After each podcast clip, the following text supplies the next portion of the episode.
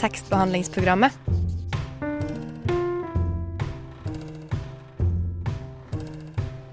Tekstbehandling på radio.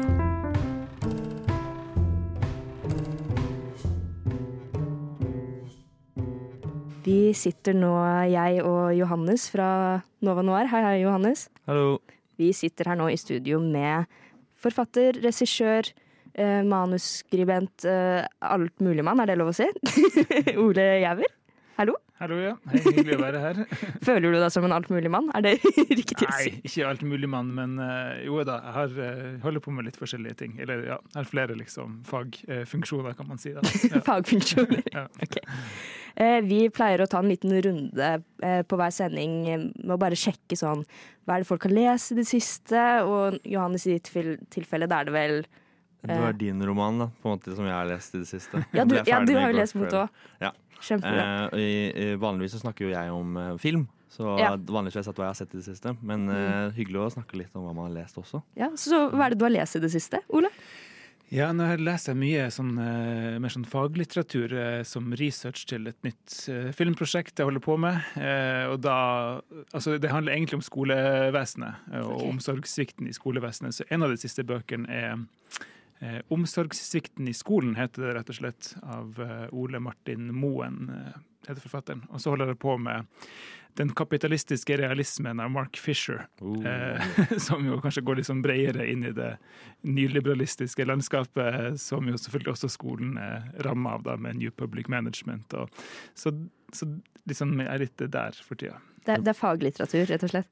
Ja, det, ja, det er det. Det ble veldig, det ble veldig seriøst veldig fort. Ja. ja. Jeg er veldig glad i ja. skjønnlitteratur også, men det, det ble sånn akkurat nå som sånn researcharbeid. Er det lov å spørre om det er, er det film du jobber med? Er det manus? Er det bok? Ja, akkurat nå primært er det film. Jeg jobber med et spillefilm som heter Foreldremøte. Som, eh, der konseptet er at hele spillefilmen er ett foreldremøte. Okay. Det varer jo ca. like lenge som en spillefilm, så sånn sett så passer det jo. Kanskje noen ganger litt lenger. Og det burde du det, ja, Til noen fortvilelse. Ja, det er ikke sant. Det, ja. Men den, eh, det er en fin ramme. Klaustrofobisk og ja. Mm. Ja, Som foreldremøte på skolen, liksom? Eller? Ja, et foreldremøte i en sjette klasse på skolen. Ja. Eh, så er det en mobbesak som kommer inn der som skaper et så veldig ubehag. Å, Eh. Men så er det også mye rom for eh, komikk. Da. Det er veldig mye sånne For oss som har barn i skolen, så er det alltid sånne arketyper som går igjen på sånne foreldremøter. Så eh, Det er mange karakterer. det er mange karakterer, ja. ja så det, Perfekt Noen for som film. skal si noe helt til slutt et par ganger i, Ja. i løpet av foreldremøtet. Bare så hjem. helt, helt til slutt, før vi er Ja. ferdige med møtet. Sånn, ah, det tar aldri slutt, på en måte. Mm. Men eh, hva er det du har sett i det siste, da? Eh, Da er det vel film det går i, er det ikke det, Johannes? Jo, Som dere liker å spørre om? Gjerne høre hva du eh, har sett på nå nylig. Ja, hva har jeg sett? Jeg, jeg går uh, skammelig lite på kino. eh, må jeg innrømme. Det har nok sikkert litt med livssituasjonen å gjøre. og sånt. eh, men jeg så en eh, serie. Jeg, jeg syns jo det er veldig kjedelig, for jeg er jo egentlig en forkjemper for kinofilmen. eh, og syns det er så mye generiske, dårlige serier ute og går. Eh, Men jeg så en serie som heter The Staircase på HBO, eh, med godeste Tony Collette og eh, åh, han britiske skuespilleren eh, Colin Firth. Ja. Som var overraskende bra. Eh, Som regel så ser jeg én episode av en serie, og så syns jeg det er noe dritt, og så ser jeg ikke mer. Men den, den så jeg gjennom. Den var, ja, den var gøy. For det er jo sånn at eh, du har jo lagd filmer hvor lenge, egentlig? Du er jo egentlig regissør og manusforfatter. Ja, eh, hvor lenge? Altså eh, ja, altså Jeg begynte på Nordland kunst- og filmskole i Kabelvåg i 1999, så på en måte siden da har jeg jo holdt på med å lage film. Mye kortfilm og sånn, selvfølgelig. Eh, min første sånn, film som kom på kino, den heter 'Sommerhuset'. Den kom i 2008. Ja. Mm. Men nå har du altså kommet med ei roman. Ja. En debutroman, 'Mot å'. Jeg bare lurer på, Hvordan var det den boka blei til? Hvorfor blei det plutselig bok nå, og ikke film? Ja, nei, det, det var, skulle jo egentlig bli en film. Eh, Å, og, og ideen til filmen eh, fikk jeg mens jeg bodde i Kabelog i 2001. Så det er et, eh, en historie eller et prosjekt som har vært med meg lenge, og det har vært gjennom eh, liksom, ja, en sånn, eh, Mange konsulenter på Norsk Filminstitutt eh, kom veldig nært et tidspunkt på å bli realisert, men ble liksom runner-up eh, når Kompani Orheim, som jo også er en eh, adaptasjon, da fikk støtte. Og så gikk lufta litt ut av eh, ja, både meg og produksjonsselskapet, og hele dette prosjektet ble lagt på is. Nå er vi tilbake i 2010, eller rundt der, tror jeg. 11, kanskje. Eh, og så har jeg lenge hatt veldig lyst til å skrive skjønnlitterært. Eh, det er noe veldig sånn besnærende med den tanken på at den teksten man jobber med, også skal bli sluttproduktet. For du jobber veldig mye med den teksten. Og så er det jo ingen som ser den når det blir en film, så er det ingen som ser teksten. ikke sant? Nei, iallfall ikke sånn som den uh, ser ut, sånn fysisk med uh, svarte bokstaver på hvitt uh, ark. Men ja, nei, at jeg kunne liksom skrive noe som der, der, det jeg skrev på, var også sluttresultatet. Og for i film, ikke sant, som du sier, der er det jo bare et verktøy for egentlig alle de prosessene som kommer senere med opptak, jobb med skuespillere, fotograf, klipping eh, osv. Det er mange prosesser der eh, manus egentlig er et verktøy. Men, mm. Eh, så det, er tanken med at ja, det, det, jeg skriver, det skal også bli det ferdige. Mm. Føler du at det har vært en litt sånn friere prosess, med tanke ja. på at uh, du ikke skal gjennom så mange ledd? I film så er det jo tro, er produsenter, det er skuespillere. Altså sånn, det er veldig vanskelig å få realisert det du ser for deg i hodet. Men ja. nå som du skriver en roman, føler du kanskje at det har vært litt friere? At du har liksom fått bedre formidlet det du har lyst til å formidle? Ja, absolutt. Eh, og det har vært en veldig sånn, morsom eh, oppdagelse, egentlig. Eh, fordi når man skriver for film, så, så man kan sikkert innbille seg at man er fri i skrivinga, og kanskje de aller største Hollywood-regissørene eller manusforfatterne er det, men ikke i Norge så går Vi har ikke liksom store nok budsjetter til at vi får realisert alt vi drømmer om å gjøre.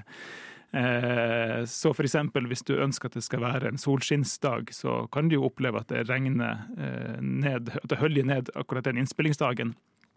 Men når du skriver en roman, så kan det jo ha akkurat det været som passer, som kler den scenen best. Eh, og det er sikkert sånn som en forfatter tar som en, den største selvfølge. Ja. men, men, for meg så er det sånn så deilig! Jeg kan bare liksom all regien jeg vil, liksom, vil jeg ha prøvd å gi, den kan jeg bare skrive inn akkurat sånn som jeg vil ha det. Eh, så det har vært en veldig sånn eh, morsom og fin opplevelse. Skrev du om skrev du første, Var det først et manus som ble til en roman? Er ja. det riktig? Ja. ja. Hvordan er liksom prosessen av å skrive om et manus til en roman? Ja, Det er sikkert veldig individuelt for de som måtte ha prøvd på det før meg. Men eh, et filmmanus er jo som regel skrevet i tredjeperson. ikke sant? Du, en sånn objektivt, eh, du ser det utenifra, på en måte. Så, så alt skrives i tredjeperson. Han, hun, det. ikke sant? Du ser det utenifra. Eh, og, jeg, og, det kunne man jo valgt å gjøre i en, i en roman også, men jeg, for å på en måte gi meg en ny inngang til stoffet, at det ikke bare skulle liksom bli en en omskriving, en sånn kjedelig omskrivingsfase på en måte, hvor jeg bare gjorde om til en, en romanform, så gikk jeg inn og skrev det i første person. Så jeg gikk inn i hovedkarakterens liksom, hode og skrev det ut ifra sånn som han opplever eh, ja, altså all handling og alt som skjer. Eh, og det var for meg veldig veldig gøy å liksom, liksom revitalisere eller reoppdage eh, historien da gjennom hans blikk. Ja. Ja, for eh, han her er jo hovedpersonen din, eh, Emil. Han, han Jeg merka veldig når jeg leste at jeg, var, jeg ble litt sånn Det var litt pute-TV nesten av og til de situasjonene han ender opp i. Han har jo en tendens til å komme i litt kleine situasjoner. Jeg lurer på, Hvor er det inspirasjonen fra Emil kommer fra? Hvem er Emil? ja, eh, ja, nei, hvem er han? Altså, han har jo levd med meg i mange år, og selvfølgelig med, med med egentlig alle karakterer jeg skriver om, om det er hovedpersoner eller bikarakterer, så må det jo være en viss form for identifikasjon. Så jeg må jo på en måte forstå hvem jeg skriver om, og hvor, hvordan de eh, Psykologien, på en måte, hvordan fungerer de, slags type mennesker er det. Så selvfølgelig har jeg brukt noe av meg sjøl, men jeg har nok eh, gjort han eh, eller eh, si, forsterka dette elementet av hans overtenking. Da, på en måte. Han overtenker veldig mye.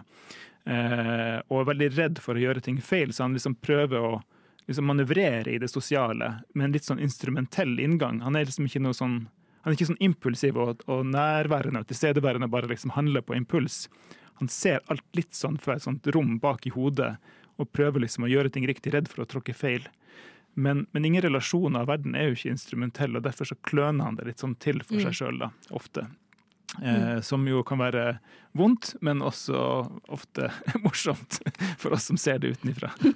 For jeg kjenner meg jo Jeg sa jo det når jeg og Maria snakket sammen i går, og da sa jeg at eh, så langt i denne boka så kjenner jeg meg litt mer enn jeg skulle ønske jeg gjorde.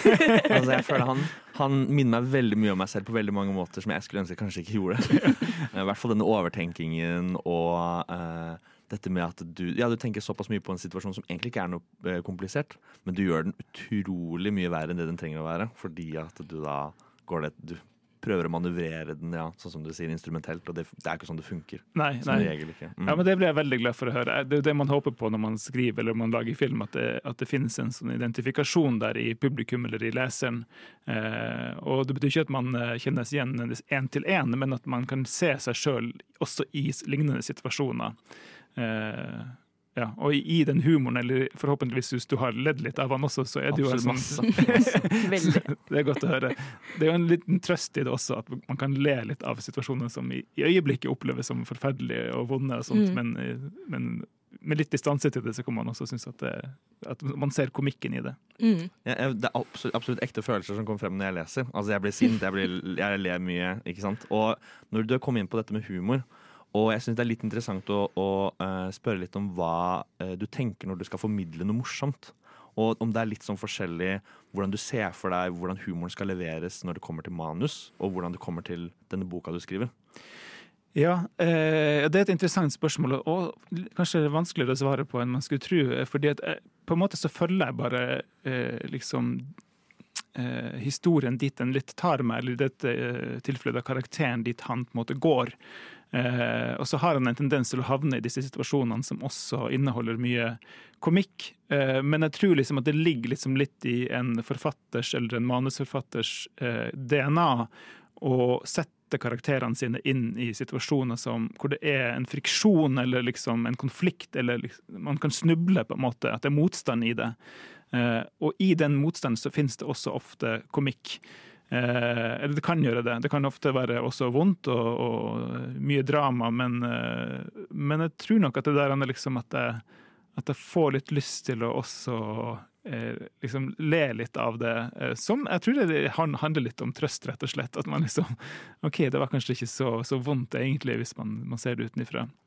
Så det, det, det havner liksom litt der. Og så tror jeg også at at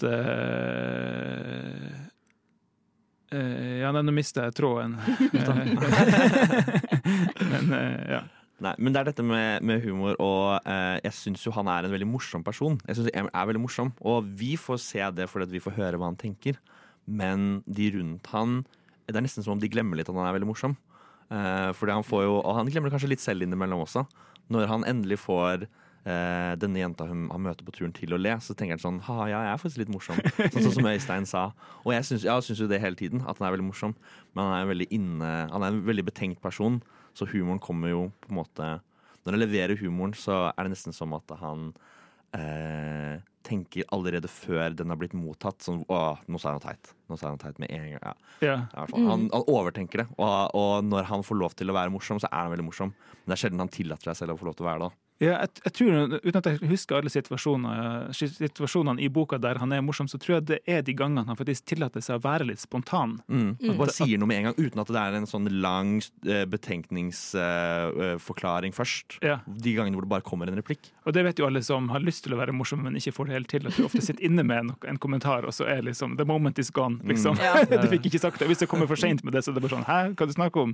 Nei, jeg tenkte på noe som vi Ja, det er ikke så farlig. sagt. Det er ikke så farlig. Ja.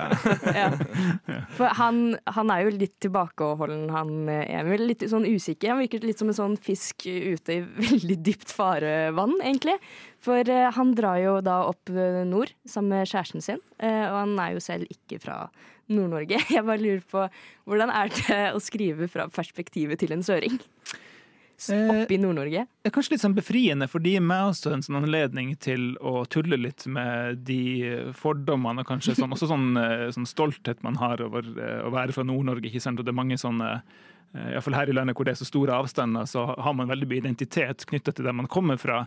Eh, og man kan også liksom eh, eh, være litt sånn nedlatende på en varm, inkluderende måte ofte da, mot andre deler av Alle har jo et inntrykk av hvordan en typisk bergenser er, liksom, og i Nord-Norge så er det jo også et sånt. Eh, ikke et sterkt hat, men et lite hat mot østlendinger. Så det ved å velge å ha en, en, karakter som kommer fra Østlandet, så kan jeg også spille litt på de der fordommene på en måte, fra et annet blikk. da. Jeg kan se også på en måte hvordan vi, vi fra Nord-Norge ofte bygger opp under liksom, de mytene som, som, vi har. Så han kan komme litt inn og punkt, punktere liksom, noen av de der sannhetene vi liker å tenke om oss sjøl. Mm. Ja, det føles jo nesten ut som at han reiser til et fremmed land. Ja, altså, det, han er jo helt ja, Men det er jo nesten det. Altså, sånn, det, det, lange, det, er langt fra uh, altså, Lofoten til Hamar, hvor han faktisk egentlig kommer fra, selv om han har bodd lenge i Oslo. da. Eh, så, så eh, det er nesten som to ulike land. Eh, ja. mm. Jeg merker jeg kjenner meg veldig igjen i uh, dette med at uh, man ikke har så mye tilhørelse til hvor man kommer fra. Jeg er jo søring, og uh, jeg vet ikke om jeg kjenner meg mest igjen i Oslo eller Tønsberg, der jeg er fra. Det er, liksom, det er, ikke så viktig for meg, akkurat det der. Så det er litt sånn interessant å se hans, hans ikke-behov ikke for å ha en stedsidentitet, mens som klasjer litt med disse nordlendingenes store behov ikke store behov, kanskje, men i hvert fall den stoltheten de har fra hvor de kommer fra. Da. Det er en ganske sånn interessant eh, sånn konflikt, da. Eller konflikt er kanskje ikke riktig ord, men eh, ja, mø mm. møte av ideer, da. Ja. Absolutt, ja, ja. Og det kan jo bli sånn tvangstrøye også, fordi jeg kommer jo fra Tromsø, ikke sant? og vi var vertskap for det her humorprogrammet Rorbua. Ja. Eh, og man kunne få sånn inntrykk av at alle nordlendinger var sånn eh, frittalende, veldig morsomme, utadvendte. Liksom, vi sa ting rett fra levra. Mens jeg var kanskje mer sånn som Emil, da, litt sånn reservert og regressiv. Eh, og, og, og, kan liksom Av og til blir du liksom konfrontert med at du tror at andre har en forventning til deg om at du skal være veldig utadvendt og frittalende og sånn fordi at du kommer fra Nord-Norge, og så er, så er du ikke det. Eh, så eh, ja, nei, det, sånn, det, kan også, eh, det kan også så, Samtidig så er jeg jo stolt over liksom, sånn, at jeg får lyst til å bygge opp under de mytene. Jeg syns det liksom liker at folk tenker at nordlendinger er frittalende. Altså, ja. Mm. Eh, altså, han her Emil, han befinner seg jo, som nevnt, kanskje i et fremmed land. Men han havner jo også i en situasjon som er veldig vond og veldig vanskelig. Eh, og det handler jo mye Tematikken er jo dette her med mental helse, og også da selvmord. Eh, hva har vært viktig for deg når du skal skrive om disse veldig tunge, betente temaene? Ja, nei, det, for Når vi har snakka nå, så høres det kanskje ut som at det er en bok med masse humor. Ja. og, det, og, det, er det jo. I hvert fall det er mitt ønske eller intensjon at det også skal mm. være mye humor. Men uh, selve eh, tematikken i seg sjøl er uh, mer alvorstung. Han flytter jo opp til Nord-Norge fordi at kjæresten har prøvd å ta sitt eget liv, og det er et forsøk på at hun skal få det bedre. Og mye av det som setter i gang ting, er jo at hun et halvt år senere, når egentlig ting ser ut som de har gått mye bedre, drar på en sykkeltur til å og kommer ikke tilbake igjen. Og han sitter igjen der med masse spørsmål. Eh, og eh, hvis man eh, leser boka gjennom, som jo dere har gjort, så, så ser man også at han etter hvert så begynner, han prøver liksom å lete etter hva dette er min skyld, og hvorfor skjedde dette, og hvordan egentlig havna jeg her? Og så gradvis så, så minnes han et sånt barndomstraume eh, som kanskje kan forklare litt om hvorfor han også havna i den relasjonen med kjæresten og inntok den posisjonen og den, liksom, den at han tenkte at han skulle redde henne, på en måte. Og de der type eh, sånne mønster man havner i livet, det er kanskje det som jeg syns er veldig interessant. da, hvordan, hvordan, sånne ting man opplever eh, i barndommen. Det kan være traume, eller det kan bare være en, en, en relasjon som, som, er destruktiv eller er vanskelig. Og så går man inn i et mønster og gjentar det når man blir voksen, og kommer seg liksom ikke ut av en sånn eh, ja, et sånt mønster, da, en dynamikk man har i relasjon til andre mennesker. Og det er liksom litt det han er fanga i, eh, og trenger på en måte å forstå for å komme seg videre i livet. Da. Mm. Mm. Du sa jo helt på begynnelsen her at eh, denne boka var jo først en film, eller var et filmprosjekt. Er det håp for at det kanskje blir en bok til filmadaptasjon for denne boka her? Eh, nei, jeg tror ikke det. nei, det kommer ikke nei. til å skje. Jeg jobba i så mange år. Det, det, skulle egentlig bli min debutfilm. Jeg hadde så mange drømmer og visjoner og tanker om eh, at denne filmen skulle liksom Nei, at dette, denne historien skulle bli en film. Eh, og jeg har vært veldig forsont lenge med at det ikke ble det. Og når det da plutselig ble en bok, så var det veldig sånn en utrolig sånn forløsende og, og, jeg ble så glad for at disse karakterene fikk lov til å leve i den mm. boka. Og nå er det liksom Nå har det blitt ei bok.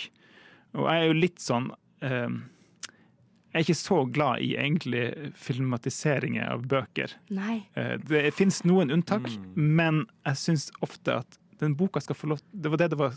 Det skulle være en bok. Ja, og mm. jeg syns ofte at filmatiseringa gjør at man at flere ser filmen da, enn å faktisk gå til boka. Eh, og det syns jeg er synd, da, selv om man kan jo også argumentere for at da får flere tilgang på historien. Eh, så selvfølgelig det er en balansegang. Og det finnes absolutt unntak der. Jeg syns det er noen fantastiske filmatiseringer av bøker, men ofte tenker jeg åh, du skulle bare latt det være en bok. Da. Det var liksom, den historien passer best der. Ja, for det er litt det vi snakker om i denne sendinga her. Det å gå fra bok til film. Men du sier at det er noen unntak. Eh, Hva er disse unntakene? Er det noen gode adoptasjoner der ute? Ja, det handler jo bare om sånn, pers sånn personlige referanser, tror jeg. Ja. Jeg husker at når jeg så eh, Åndenes hus når jeg var yngre, da hadde jeg ikke lest boka. Eh, da syns jeg det var Er ikke den bare grep og tok meg veldig, og kanskje det samme med The Hours, som jo er en filmatisering av en bok om en bok. eh, Veldig meta. Veldig meta, ja. Men, eh, men den er jo, altså, den er jo altså, Det er jo Mrs. Dalloway av Virginia Woolf som er liksom Alle de tre historiene sentrerer seg rundt, men det er også skrevet en bok som heter The Hours, om ja. om filmen, sånn som filmen ble, da. Men så noen sånne der, og det handler jo bare om at jeg, jeg ble så truffet av de filmene når jeg så de. Eh, så, eh, så vil sikkert andre argumentere som Og, og så leste jeg boka etterpå, eh, og hadde en kjempefin opplevelse, spesielt med 'Håndenes hus, med å lese boka. Og selv om jeg så de, altså Jeremy Irons og Meryl Streep og Winona Ryder i de karakterene, så, så var det en veldig fin opplevelse å likevel gå inn i det universet med det filmatiske, liksom si, kulissene og karakterene. Så definitivt, det fins liksom gode opplevelser med det. Eh, men for eksempel, eh, la oss bare ta kanskje det største, liksom, mest ikoniske eh, filmatiseringa av bøker i liksom, vår generasjonstid, 'Ringenes herre'-trilogien. Eh, der syns jeg det måte, er så synd, for jeg syns at eh, det er så mye rikere univers i bøkene. Eh, og du får en mye mer sånn nærhet til det, mens jeg syns at filmene eh, mer overflate i filmene, på en måte. Eh, jo- jo flere filmer det ble, jo flere, mer overfladisk ble det kanskje. Når det kommer til disse Hobbiten ja, eh, kanskje spesielt eh, Mm. hvordan han klarte å tyne tre filmer ut av Tolv timer. Timer med film ut av sånn to timer med lesing. Det er ganske imponerende. Og den her sånn ekstremt repeterende dramaturgi. Det er sånn mm. han, eh, Man kommer til et sted, oh, the land of Miris Dur, eller hva det heter for noe, liksom. Og så sitter han der litt, og så kommer eh, Gandalf. Orcs are coming. Og så må de løpe. Kommer de til et nytt sted. Oh, the rivers of Barath Dur. Og så sitter han en stund. Wolves are coming. Og så løper de. Og sånn er alle de tre filmene. Det var sånn, ja, det er veldig, og det er veldig mye av det, for de er såpass lange, så du blir veldig lei. Ja. Ja, veldig. Ja, det er veldig spesielt å lage like mye film ut av to så forskjellige tjukke bøker. Eller ja, Ja, en trilogi ja, og en enkel Ja, bok. nei, men uh, jeg er ikke, uh, hva skal jeg si, jeg er ikke prinsipiell motstander av å filmatisere bøker, men Nei. jeg syns, syns ofte at jeg tenker at, uh, spesielt hvis jeg leser boka først, at åh, nei, det var dumt. Du har gjort veldig mye forskjellig. Du har jo vært skuespiller også. Eh, eh, hva er det du foretrekker å gjøre? Hvis du skulle val ikke, ikke hvis du skulle valgt en, men liksom, hva er det du liker bedre å gjøre enn andre ting? Da? Nå har du skrevet bok, og det virker som det har vært en bra opplevelse. Ja, det tror jeg nesten må si at det, jeg liker best er egentlig eh, å ha litt sånn frihet til å kunne eh, bestemme altså, Etter at jeg hadde gått på denne skolen i Kabelvåg, som var en sånn forberedende kunst- og filmskole, og hele første året var det fellesundervisning i både kunstfaglige og filmfaglige emner. Eh, og etter det så valgte jeg jo å gå på et kunstakademi, ikke en filmskole. Og det var mye fordi at jeg ville ha denne friheten til å velge hvordan form eller hvordan medium jeg ville eh, formidle de historiene eller ideene jeg ønska å utforske gjennom. Um, og det har jeg veldig lyst til å kunne fortsette med. Eh, Så har det blitt mye film, og det er fordi at det er veldig tidkrevende og, og tar eh, ja, eh, prosjekter da, måte, som tar mye tid og krever mye arbeid. Så det er liten rom til andre ting. Men nå fant jeg en lomme til å skrive den boka, og det har gitt veldig mersmak. Så jeg håper, der er jo Dag Johan Haugerud et stort forbilde som klarer å gjøre begge deler. Eh, Så jeg håper at jeg kan fortsette med begge deler. Og så er det noe helt annet å være skuespiller, og det har ikke vært det mye, men litt. Og det er også veldig gøy fordi at jeg eh, slipper ansvaret med liksom formidlinga. Ja. Så en, svaret er kanskje en, alt. Alt, ja. ja, ja Fortsette å gjøre det meste. Ja, så det viktigste for meg er jo på en måte det å, å kunne formidle noe. eh, om- Skapelsesprosessen, kanskje. Ja, Ja. ja. og Fra idé til noe som kan formidles. Ja. Ja. ja, så får man se hvor det liksom ender opp, i hvordan form. Ja. Filmbok Vi får se. ja. Teaterstykke. Kanskje man skal lage en trilogi hvor det, det første er en bok, så en film, og så en, det tredje teaterstykket. et Musikkalbum. teaterstykke. Teaterstykke, ja. Nei, jeg vet ikke. Nei, ja. Det er gøy. Ja. Du har jo fått det ganske bekrefta nå at eh, Mot òg kommer ikke til å bli en film. Men helt avslutningsvis, hvis eh, verden skulle snus opp ned, Mhm. og Mot oss skulle blitt en film, hvem hadde du ønska skulle spilt Emil? Har du en skuespiller? ja, altså eh, Ikke lov å si Aksel Hennie. Nei, nei, nei. Eh, eh, ja, nei, eh, der er det en person som eh, jeg må svare. eh, Fordi eh, når dette her skulle bli en film, så hadde jeg lenge eh, en skuespiller i tankene. Som var eh, Anders Båsmo Christiansen. Okay. Eller Anders Båsmo heter han vel bare nå. Iallfall for det er bare de to navnene han bruker. Men, eh, og det vet han, og vi har snakka om det, og han var veldig dedikert til dette prosjektet. og eh, det var veldig, jeg tror både Han syntes også at det var veldig kjedelig når det ikke ble noe av. Når jeg lanserte boka mi, så kom han og leste høyt fra den. Så på en måte ble sirkelen litt slutta. Han leste utrolig fint. Nå er han jo kanskje litt for gammel for, for å spille denne karakteren. Eh, men eh, kanskje hvis det blir en oppfølger Uh. som blir en film, så kan Anders spille. Men det var i hvert fall han som, eh, som Fremdeles er det på en måte Anders 30 som jeg ser for meg i rollen som Emil. Ja. Spennende. Tusen takk for at eh, du har vært her hos oss, eh, Ole Gjæver. Mot å, den finner du i alle bokforhandlere. Tusen takk for dette intervjuet. Veldig hyggelig å være her. Ha det. Ha det bra.